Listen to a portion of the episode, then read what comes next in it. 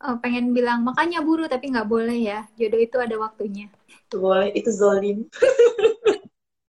Assalamualaikum warahmatullahi wabarakatuh Selamat datang di podcast Cerita Dosen Muda Podcast ini merupakan rekaman dari live Instagram aku bareng teman-teman setiap malam minggu Di episode kelima kali ini, aku bareng sahabat SMP aku yang sudah ngajar di Universitas 11 Maret, Solo Dia ngajar di Fakultas Keguruan dan Ilmu Pendidikan, FKIP, Prodi Pendidikan Biologi Namanya Febriani Sarwenda Asri Nugraini MPD Ceritanya kita sama-sama anak Kaltim, tapi dia terus kuliah di S2 Malang dan jadi lanjut ngajar di Solo.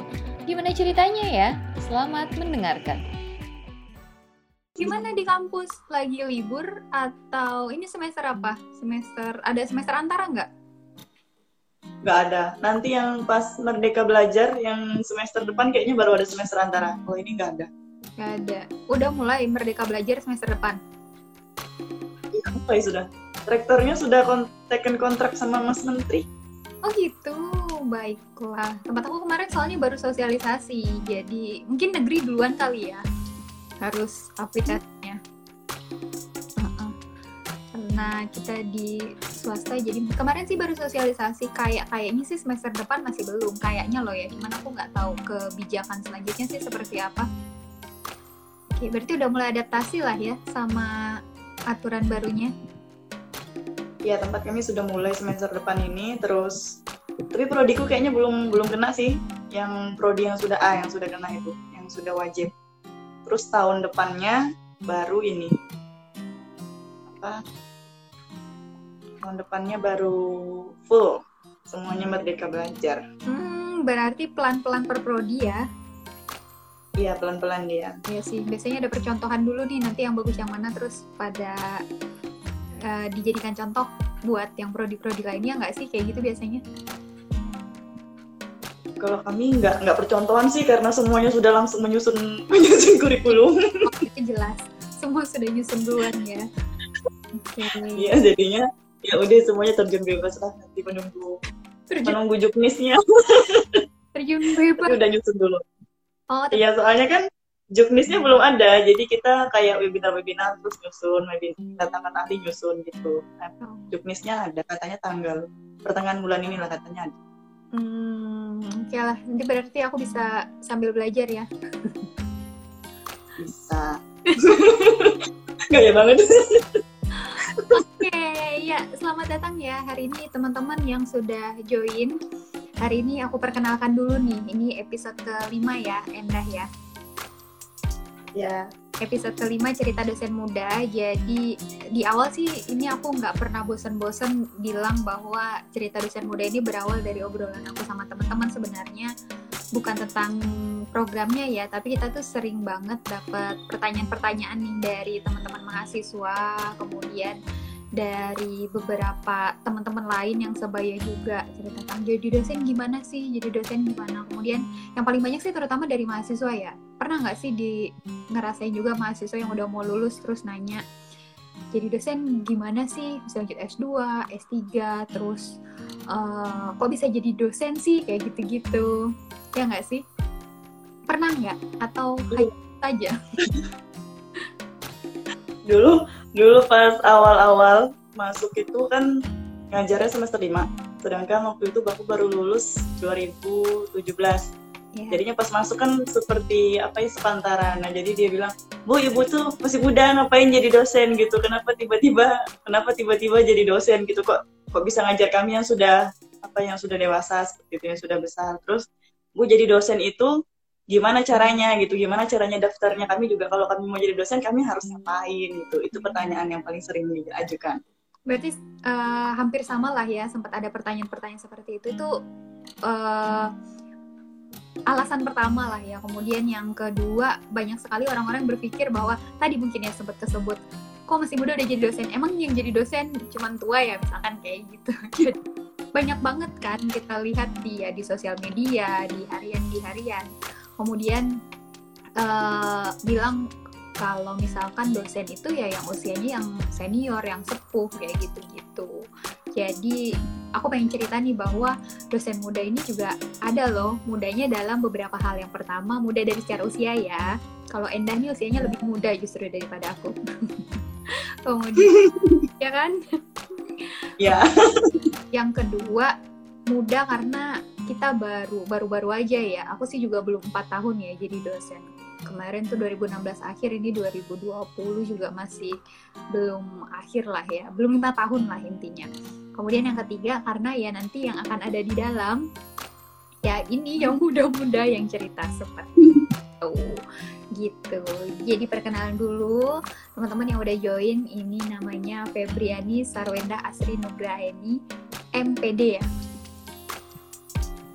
ah ya gitu SPD MPD S1-nya di Kalimantan Timur kita satu daerah loh kita satu satu kampung satu kampung satu kabupaten Ya, dan kita ini teman dari SMP loh. Ini satu-satunya sahabat yang aku dari kecil yang jadi do yang satu profesi lah ya kita ya. Satu profesi. Kita kenalnya dari lama banget lah, pokoknya udah kenal. Kemudian S2-nya di Malang ya. ya di Malang di Nah, UM M. Kemudian walaupun gitu ya janjian ketemu nggak pernah ketemu-ketemu.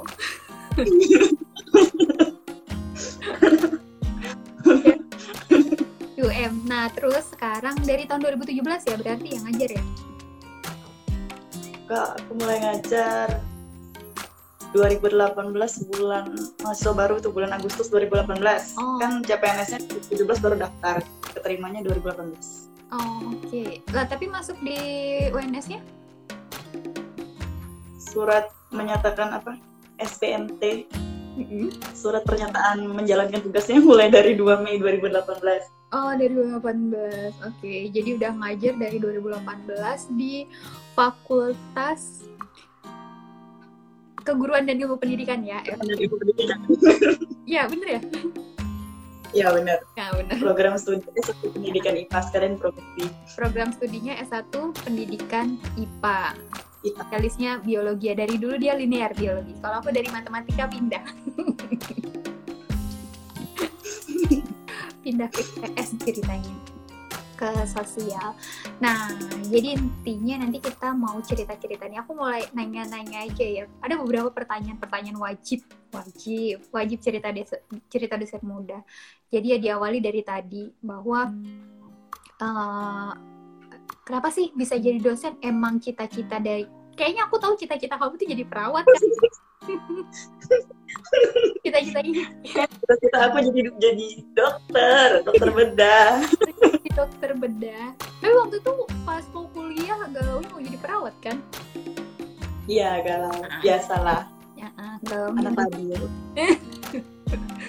Galaunya curhat-curhatan ya kita waktu itu mau jadi perawat terus tiba-tiba malah bukan malah ya tiba-tiba jalannya jalannya ke arah eh, kuliahnya di eh, pendidikan di keguruan akhirnya lanjut S2 dan jadi dosen. Emang cita-cita mau jadi dosen? Kalau dulu sih nggak pernah kepikir ya karena waktu kita S1 itu kan melihat dosen itu tinggi banget gitu. Jadi aku lihat itu dosen tuh wah keren banget pasti susah banget pasti pinter banget gitu kan. Setelah aku browsing browsing jadi dosen tuh nggak sesusah itu gitu. Jadi dia harus selesai apa S2 kemudian bisa daftar. Waktu itu juga aku pikirkan waktu S1 ini nilai aku nih bagus nih gitu kan. Jadi aku masih potensial nih aku masih masih semangat belajar. Jadi aku lanjut aja baru aku pas selesai kuliah S2 wah ada pendaftaran dosen semua kualifikasi terpenuhi ya udah aku daftar aja gitu. Jadi kayak semacam ada peluang ambil aja gitu.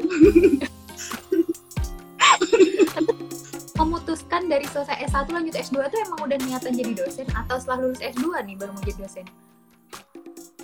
Dari you know my story lah ya sebenarnya ada background kenapa aku S2 you know.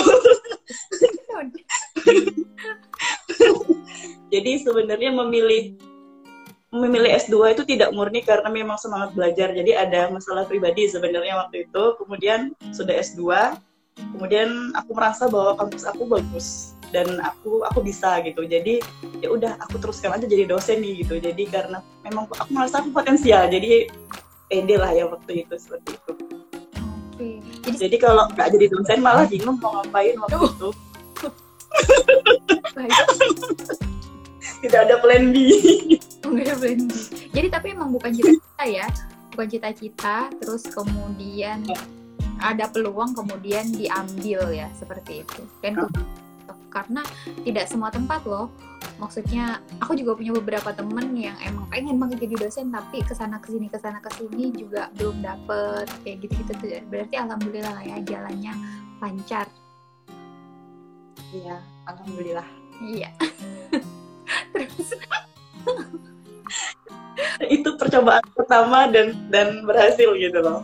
Oh tapi ini kan yang lucu ya yang pengen aku bahas itu kita kan dari daerah lah ya ibaratnya dari Kalimantan S1 kemudian S2-nya ke Malang.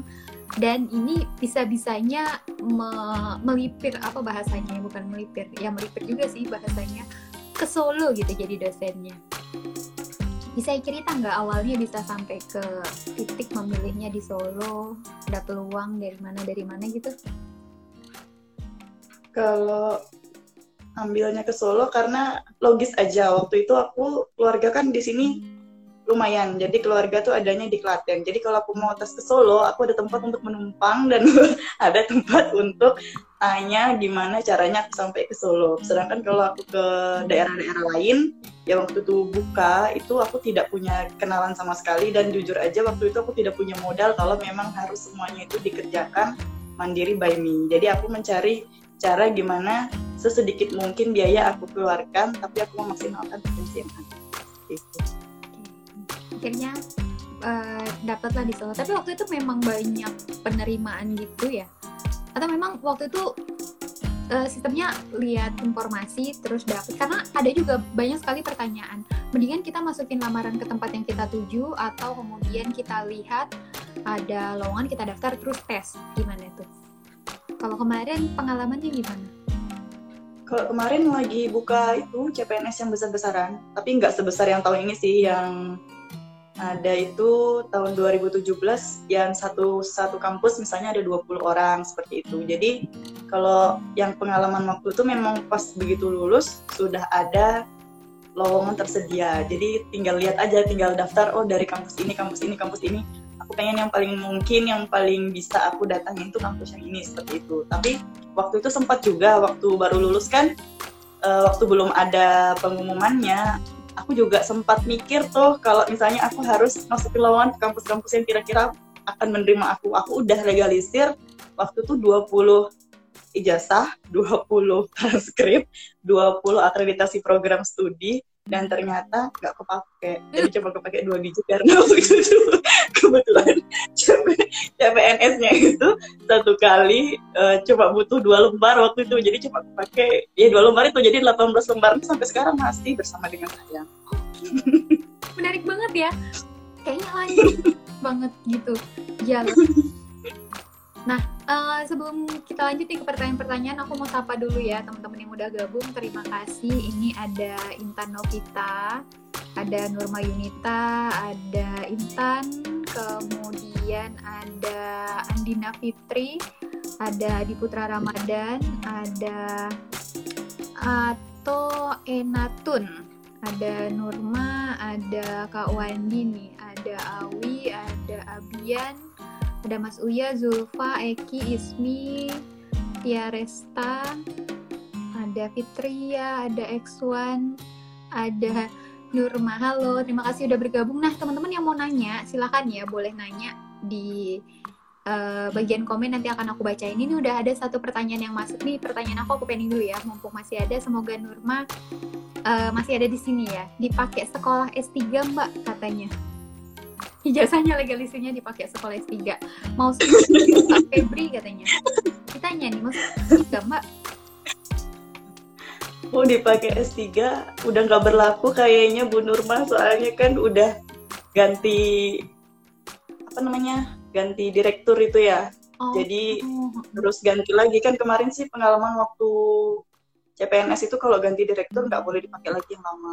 Oh gitu Mm-mm, jadi kalau kalau yang negeri kemarin dia ter, apa aturannya termasuk strict jadi nggak boleh kalau misalnya udah ganti pemimpin kita bisa gugur berkas kalau itunya apa legaliziran kita itu masih yang orang lama. Oh gitu. Tapi itu udah lewat lah ya masa-masa itu udah lancar ya.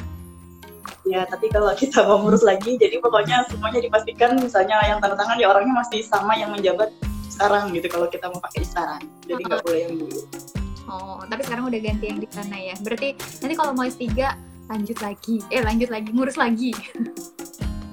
Iya ngurus lagi. Lagi. Lanjut nih ke pertanyaan yang selanjutnya.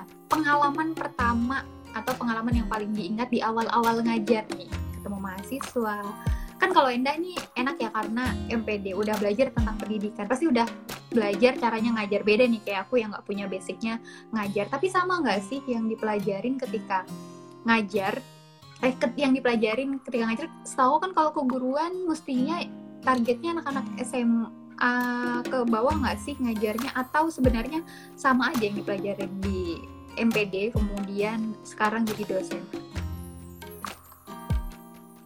uh, yang diajar beda ya. Jadi kalau kita sekolah sama yang diajarkan pasti ada yang beda kan. Zamannya kita sekolah pun dengan zamannya anak-anak kurikulum sekarang kan juga berbeda. Jadi ya sama sih butuh-butuh menyesuaikan juga. Kemudian kalau pengalaman mengajar pertama itu nggak tahu ya mungkin wajah saya galak gitu apa gimana apa saya judes karena saya tidak terbiasa tidak terbiasa dengan kan dari dari Kalimantan toh. Jadi kan di sana tidak tidak ada yang namanya kita harus berbicara itu uh, pakai apa ya kan di sini kalau di sini sih saya melihatnya uh, jarak antara ya dan tidak itu kan kadang abu-abu. Jadi kita harus memperhalus bahasa. Sedangkan kan kalau di sana enggak. Jadi ketika waktu saya ngajar pertama dulu tuh entah pembukaannya gimana kan waktu itu I feel sih everything is okay gitu ya. Jadi ngajar ya biasa aja lah kayak ngomong-ngomong di Kalimantan tuh ngajar dengan anak SMA dengan cara seperti itu ya biasa aja gitu. Pas ngajar di sini ternyata takut semua dong jadi nggak ada yang mau tanya. Takutnya gimana dulu kan waktu jadi, kuliah sempat ngajar ya karena mesti harus ngajar kan. Ya, kita kan ada kayak semacam praktek lapangan ngajar gitu. Jadinya ya ngajar anak SM, SMA waktu itu kan ngajar SMA biologi itu ya biasa aja. Jadi jadi mereka kita marah-marah gimana pun ya ya udahlah lewat aja gitu-gitu aja kan. Tapi ternyata pas di sini pas aku mulai ngajar pertama-tama gitu tiba-tiba aja sunyi senyap. Terus berapa ya sekitar tiga atau empat minggu terus baru aku tanyain kalian itu kenapa ndak ada yang mau tanya? Saya bilang gitu kan. Jadi kan krik-krik ya kelasnya ketika wajar tuh aku gini semua. Ngajar aku punya pertanyaan aku tanyakan diam aku suruh tanya diam jadi kan aku bingung terus tanya baru mereka bilang bu kita takut sama ibu-ibu galak padahal waktu itu ngajar semester lima ya Iya, ngajarnya sudah semester lima udah mahasiswa yang maksudnya angkatannya angkatan besar kan kami program studi baru jadi berdiri itu 2016 angkatan pertama. Okay. Jadi waktu aku masuk itu sudah semesternya 5, 2018 bulannya kan sekitar Agustus September itu. Mereka angkatan pertama berarti? Angkatan iya yang aku ajar itu angkatan pertama. Oke, okay, baru ketemu dosen galak gitu ya. Terus akhirnya gimana tuh setelah itu? Habis ketemu dosen galak baru aku bilang kan aku apa ya aku nggak marah aku bilang gitu karena aku memang memang tidak dibesarkan dengan budaya orang Solo yang berbicara dengan sangat halus memperhalus bahasa ketika saya tidak suka saya bilang gitu kan jadi ketika aku nggak suka aku akan bilang aku nggak suka saya bilang kayak gitu kan jadi kalau kalian tidak suka pun kalian boleh bilang tidak suka sama saya nanti kita perbaiki sama-sama. Kalau saya suruh kalau saya minta tanya ya silakan bertanya. Kalau misalnya ada yang salah silakan disanggah saya tidak marah pada hal-hal seperti itu. Seperti itu.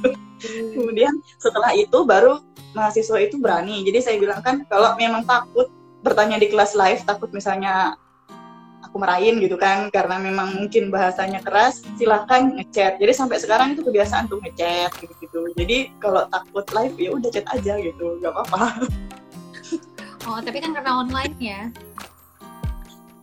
Enggak dari dulu meskipun kita ketemu di kelas kalau dia takut ya dia tetap chat aja tanya aja gitu. chat di saat itu juga? Enggak, ngechatnya nanti malam gitu misalnya. Pokoknya setelah kelas berakhir gitu dia boleh ngechat atau misalnya sebelum sebelum kelas dimulai gitu ada yang mau tanyakan ketika dia belajar malam itu boleh chat.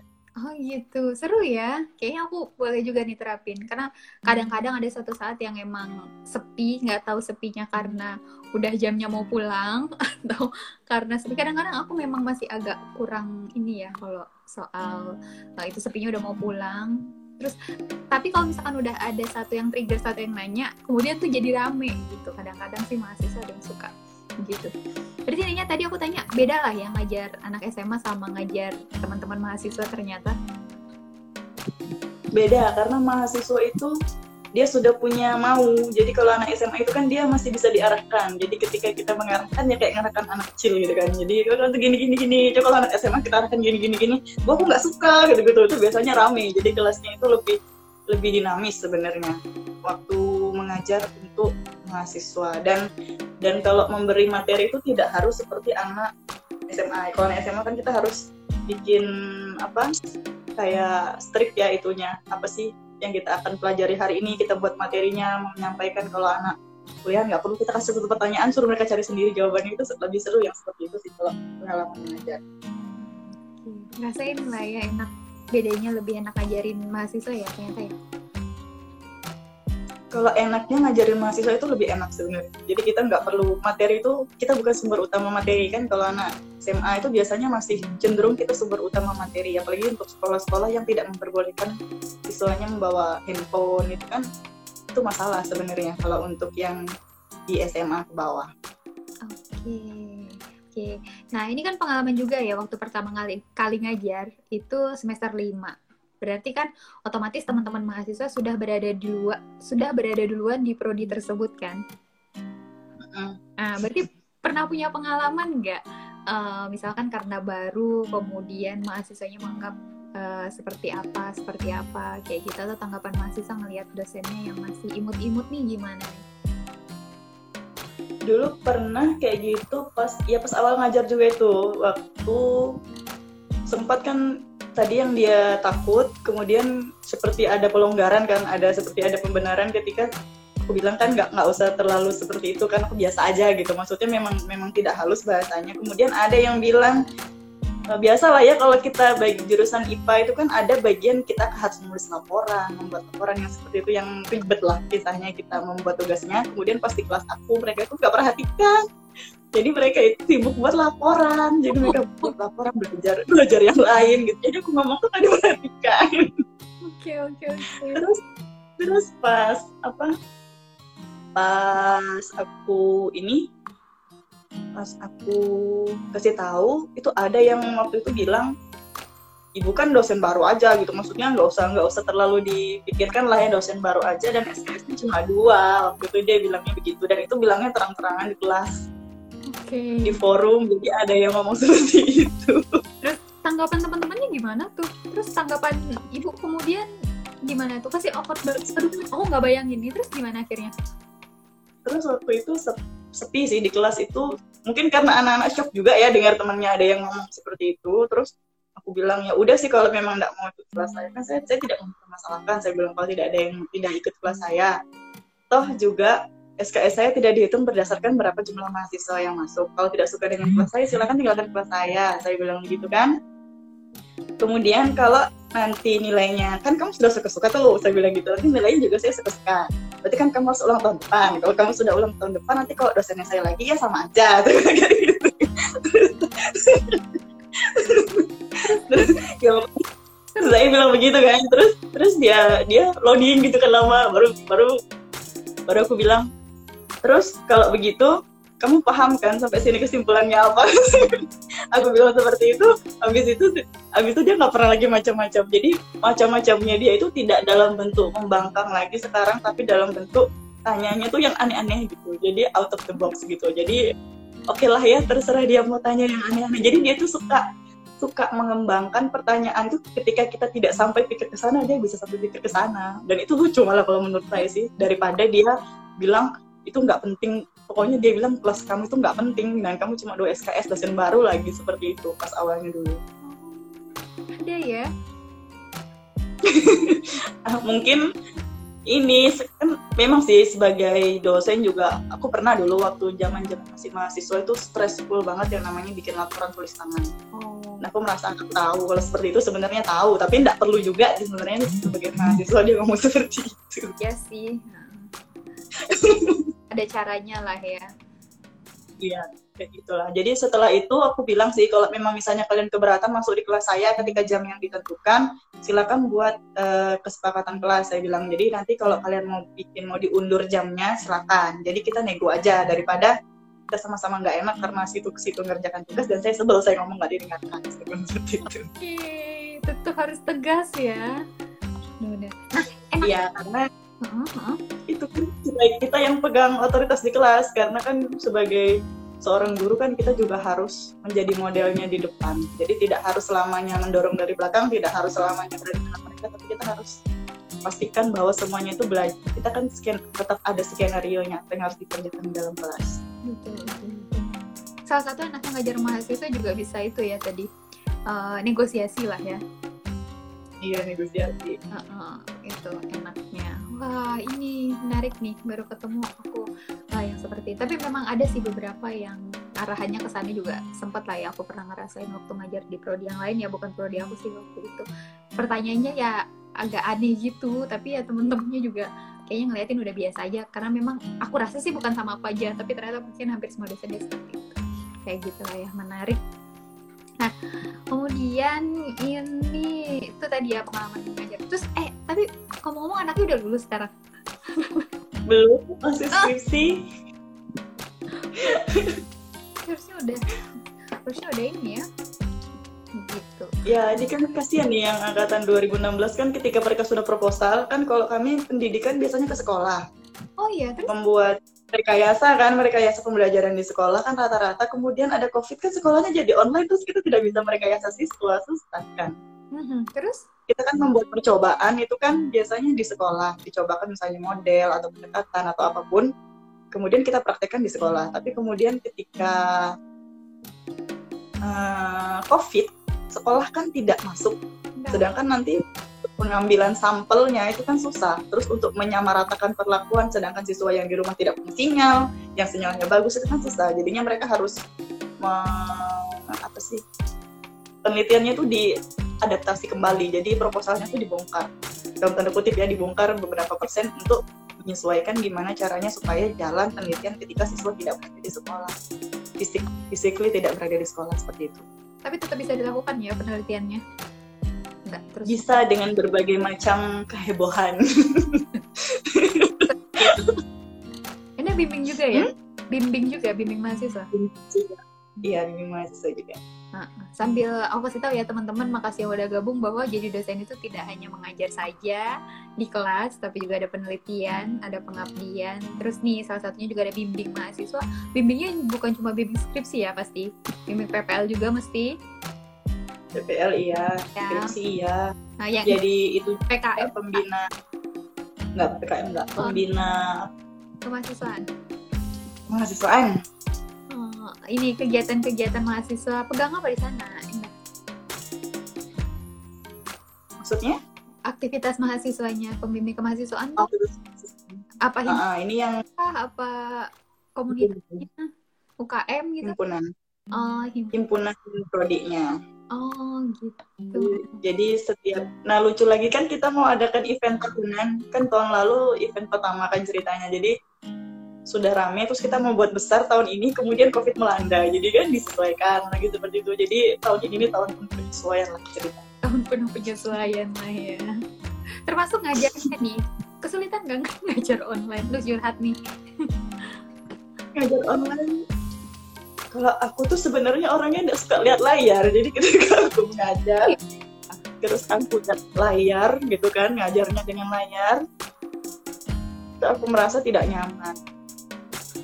Jadi kayak apa ya kayak bosan gitu kan yang dilihat itu cuma kotak. Yang yang menarik dari menjadi guru menurutku itu adalah melihat siswaku itu berinteraksi melihat mereka tumbuh melihat kelakuan absurdnya itu di dalam kelas. Kan mereka belajar dengan cara yang aneh-aneh itu kan.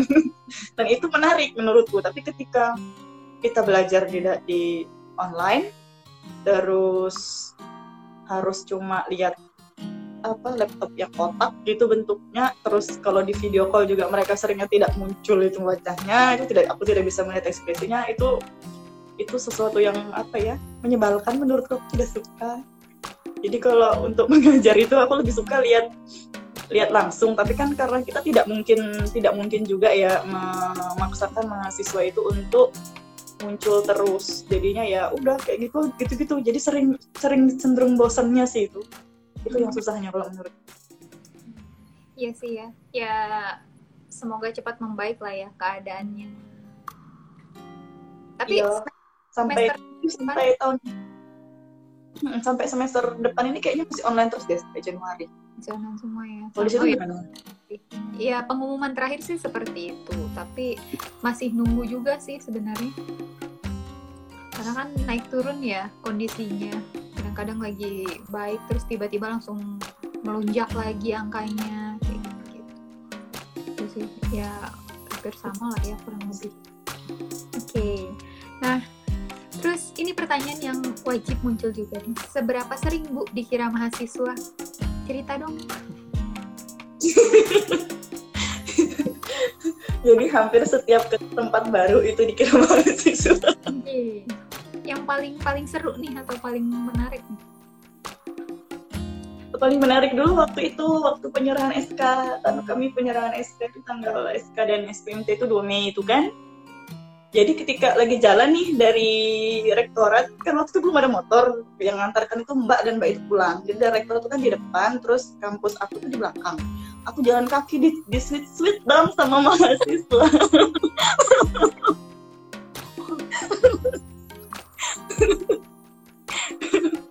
terus dia manggilnya, entah dia manggil apa ya, kalau nggak cewek adek gitu dia manggilnya. Itu kan konyol sekali, itu lucu.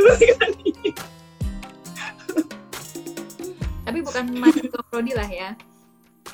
Untungnya bukan. Kalau mahasiswa prodi awas aja. Awas aja. Pasti pas ketemu, pas ketemu di kelas kan malu banget tuh mahasiswanya ntar. Iya dia malu banget pasti ya ampun. Ya. terus terus? Ada juga. Pernah itu enggak sih kejadian kalau Dila itu dikira mahasiswa sama orang TU admin admin gitu? Ya sering. Admin admin. Di bagian bagian direktorat di bagian-bagian ini gitu. Di BSI kayak gitu gitu sih. Pernah sih kalau aku waktu itu di itu di fakultas sendiri malah jadinya itu. Aku itu bawa berkas itu kan OSK itu loh fotokopi OSK itu kan mau dilegalisir tuh waktu itu.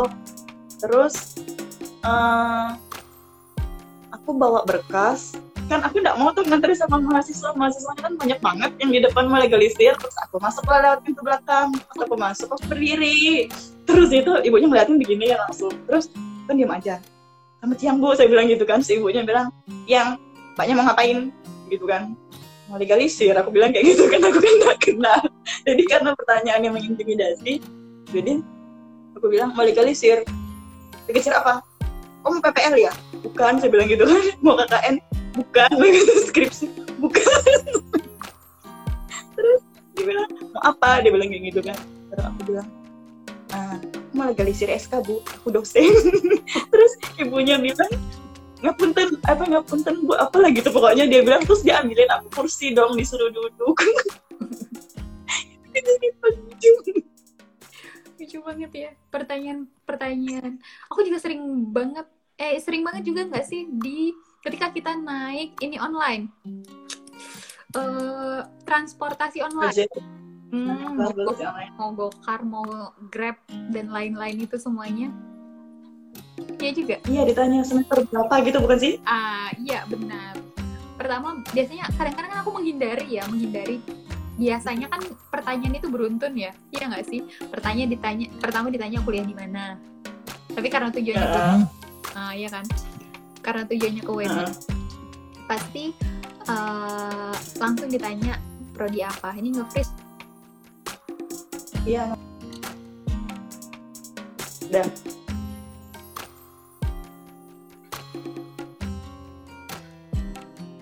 Muncul nggak? Udah bisa.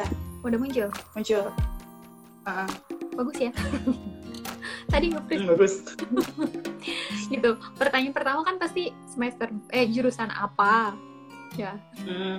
ya aku jawab lah ya jurusan kuliah dulu. Semester berapa ya enggak hmm. arahannya tuh uh, uh, gitu. Yang lucu banget sih baru beberapa hari yang lalu beberapa hari yang lalu jadi ada operasi zebra lah ya. Iya uh. iya uh, terus uh, jalan motor aku kan masih KT ya platnya. Plat aku KT sampai sekarang. Jadi ya motor biru itu. Ya, kamu masih ingat. Biru itu platnya KT ternyata dia orang Kalimantan Timur juga uh, katanya orang hmm. seni, orang senipah uh, terus uh, awalnya awalnya nanya kuliah di mana? Ya udah ya hmm. supaya tidak panjang maksud aku di UMY aja. Kan emang dulunya aku kuliah di UMY ya ya kuliah di UMY uh. semester berapa kata dia. Semester aku bilang oh sudah selesai pak. Oh iya bagus bagus katanya. Terus itu lanjut S2 lanjut S2 katanya kayak gitu. Aku bingung Iya pak sudah sudah selesai saya S2 akhirnya ya udah bilang kayak gitu. Terus ya udah aku berangkat aja gitu. Itu juga satu hal yang menjadikan alasan aku pengen banget nih cerita di forum ini nih forum cerita dosen muda gitu. Karena mungkin bukan aku aja ngerasain tapi anda juga kayak gitu ya. Iya sama. Aku juga kayak gitu. Malah dibilang pertama ditanya dari mana gitu-gitu kan. Dari Kalimantan pak gitu terus ngapain sampai sini? Itu pertanyaan yang paling konyol yang paling sering ditanyakan supir uh, abang-abang supirnya Grab apa Gojek yang begitulah pokoknya. Pasti dia bilang kenapa sampai ke sini? Gitu-gitu. Kenapa jauh-jauh banget? Kuliah S1 aja. Aku gak S1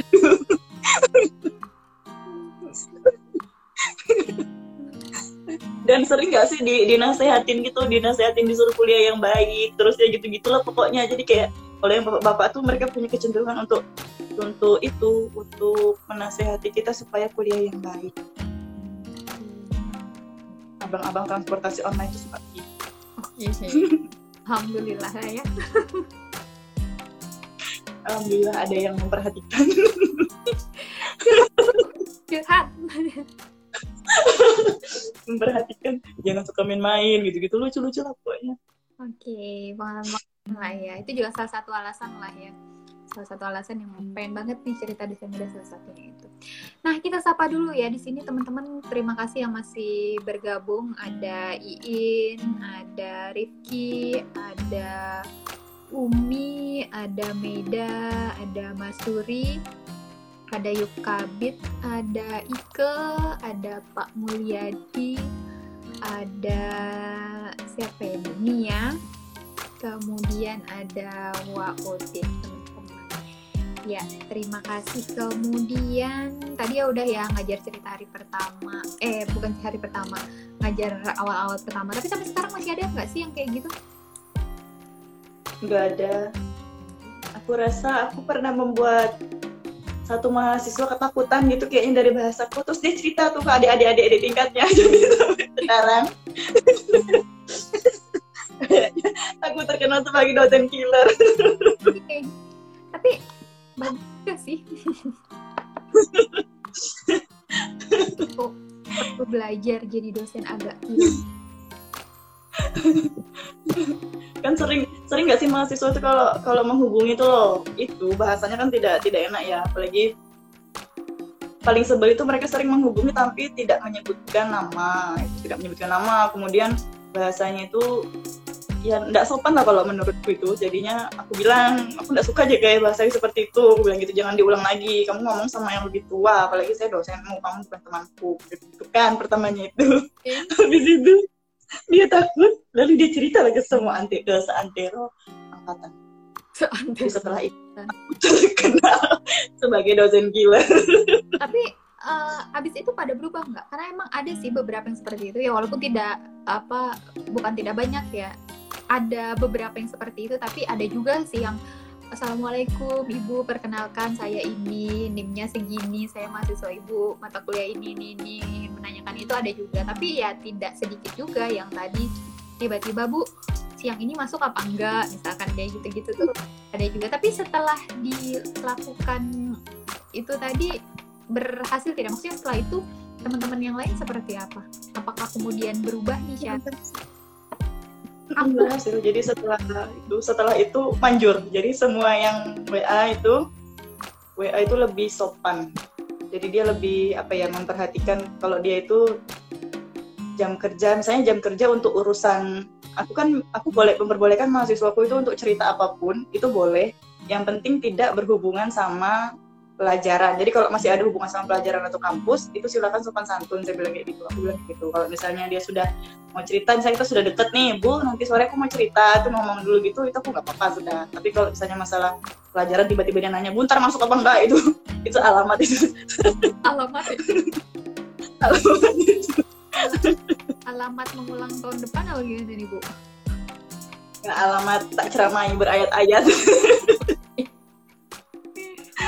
Tapi sekarang sudah enggak sih dulu dulu dulu aja yang ada gitu sekarang enggak lagi. Jadi sudah sudah apa ya bisa membedakan mana waktunya untuk belajar mana waktunya untuk bercanda atau curhat itu sudah beda bahasanya. Oke. Okay. sudah tertata. Salah satu enaknya jadi dosen muda itu juga ya bisa dijadiin tempat curhat dong berarti. Iya enak. Tempat curhat gratis. Mereka bisa nanya maksudnya nanya nanya macam-macam itu nggak apa-apa sih yang penting aku longgar aja aku jawab ya konsultasi gratis gitu ya? Karena mungkin uh, aku tidak tahu atau merasakan juga ketika usia atau jaraknya itu tidak begitu jauh mereka juga lebih terbuka kan sama kita. Iya lebih terbuka dia. Bu aku nggak suka nggak suka mata kuliah ini tuh karena gini gini gini gitu gitu biasanya mereka atau mereka cuma sekedar curhat aja bu aku capek tugasku banyak gitu gitu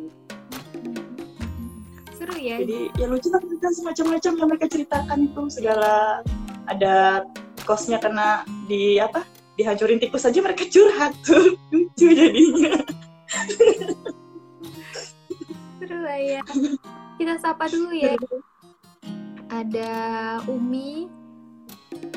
Ini kemudian halo Umi ada Elizabeth kata Umi Fakultas Hukum UNS hadir. Ini temennya Bu Wenda nih mas ini. Iya, halo Mbak Umi. Mbak Umi, ini ada ada Mbak Elizabeth. Selamat malam Bu Wenda, selamat malam. Sehat terus ya Bu Wenda katanya. Ini itu Mbak Shirley. Oh. Siapa? Elizabeth Shirley, Mbak Shirley. Mbak Shirley, sehat terus juga ya Mbak Shirley. Ini ada Mbak Antik. Eh, iya Mbak Antik. Antik itu teman Iya. Halo juga. Ya, itu aja kita cerita-cerita tentang uh, apa ya? Suka dukanya nih menjadi dosen. Oh, ditunggu di Malang lagi katanya. Mau ke Malang lagi kapan, Bu Wenda? Menunggu corona berakhir. Semoga uh, cepat mereda lah ya. Kalau langsung berakhir kan kayaknya tidak mungkin, tapi cepat mereda itu. Nah, tadi kita lanjut nih suka dukanya jadi dosen muda apa nih Bu Wenda? Dukanya kalau duka apa ya? Sebenarnya kalau duka itu tergantung kita sih menanggapinya seperti apa. Cuma kalau nggak enaknya, jadi ya biasa lah ya kita kan junior jadinya nanti lebih sering lembur-lembur kalau yang masalah teknis-teknis kita ngerjakan ya gitu-gitu tuh kan mau dianggap duka ya duka tapi kalau mau dianggap anggap aja lah pengalaman jadi nggak nggak duka-duka banget juga dapat dapat belajar sesuatu sih dari kita disuruh ngapa kayak gitu. Betul betul ini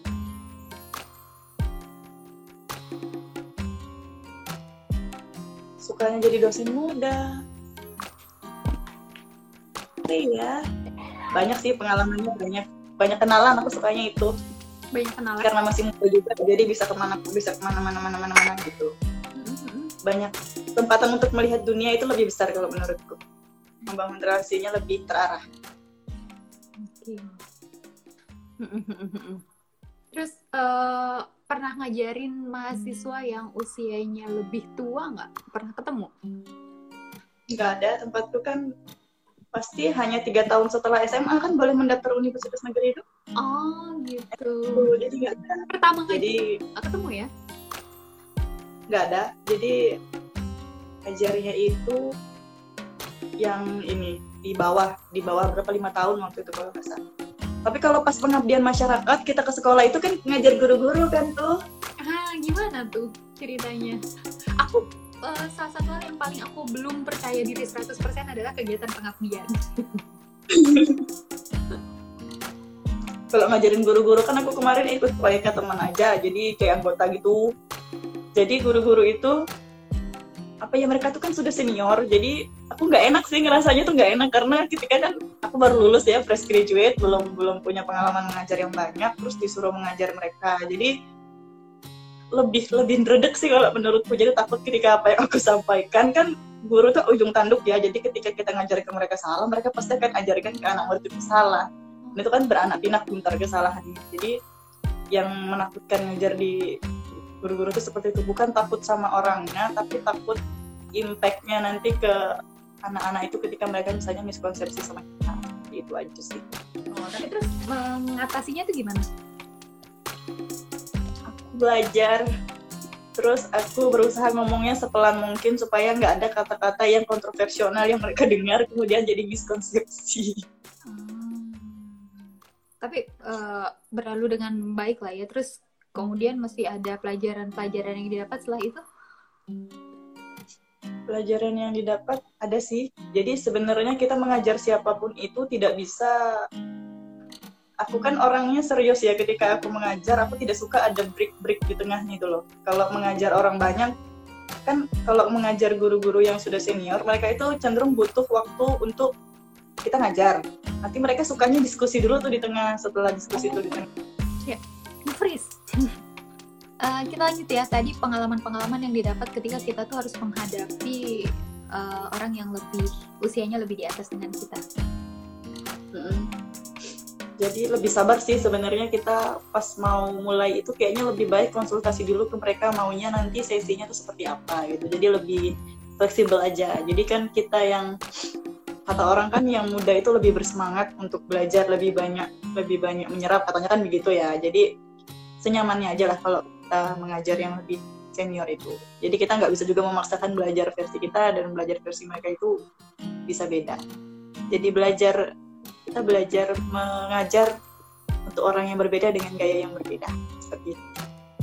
Tapi itu juga diterapkan ke mahasiswa nggak, Endah? Karena aku kadang-kadang ngajar kelas A sama B walaupun materinya sama, mau tidak mau metodenya juga harus berbeda. Misalkan aku sempat diminta ngajar manajemen sama teman-teman yang aku jadi komunikasi uh, di KP ini beda gitu iya nggak beda memang begitu satu angkatan saja beda kelas kan harusnya beda pendekatan okay. oh iya ya, ya. begitu ya, ya kan satu kelas saja itu untuk orang yang excited untuk mahasiswa yang excited dengan pelajaran kita dengan mereka yang tidak aja kan mendekatinya berbeda. Tidak bisa juga kita menghantam rata karena satu kelas itu mereka itu punya mata kuliah yang mereka suka banget, yang nggak suka banget, dan mungkin salah satunya adalah kita gitu kan, kita nggak ngerti juga. Jadi saya, aku sih sering bilang sama mahasiswa kalau kita belajar di mana pun itu, selama masih membutuhkan nilai, aku bilang gitu kan. Jadi jangan sampai benci. Kalau memang tidak suka ya usahakan di taraf yang netral. Kalau untuk mahasiswa seperti itu jadi jangan sampai benci soalnya kalau benci pasti jelek nilainya karena dia sudah aneh-aneh kelakuannya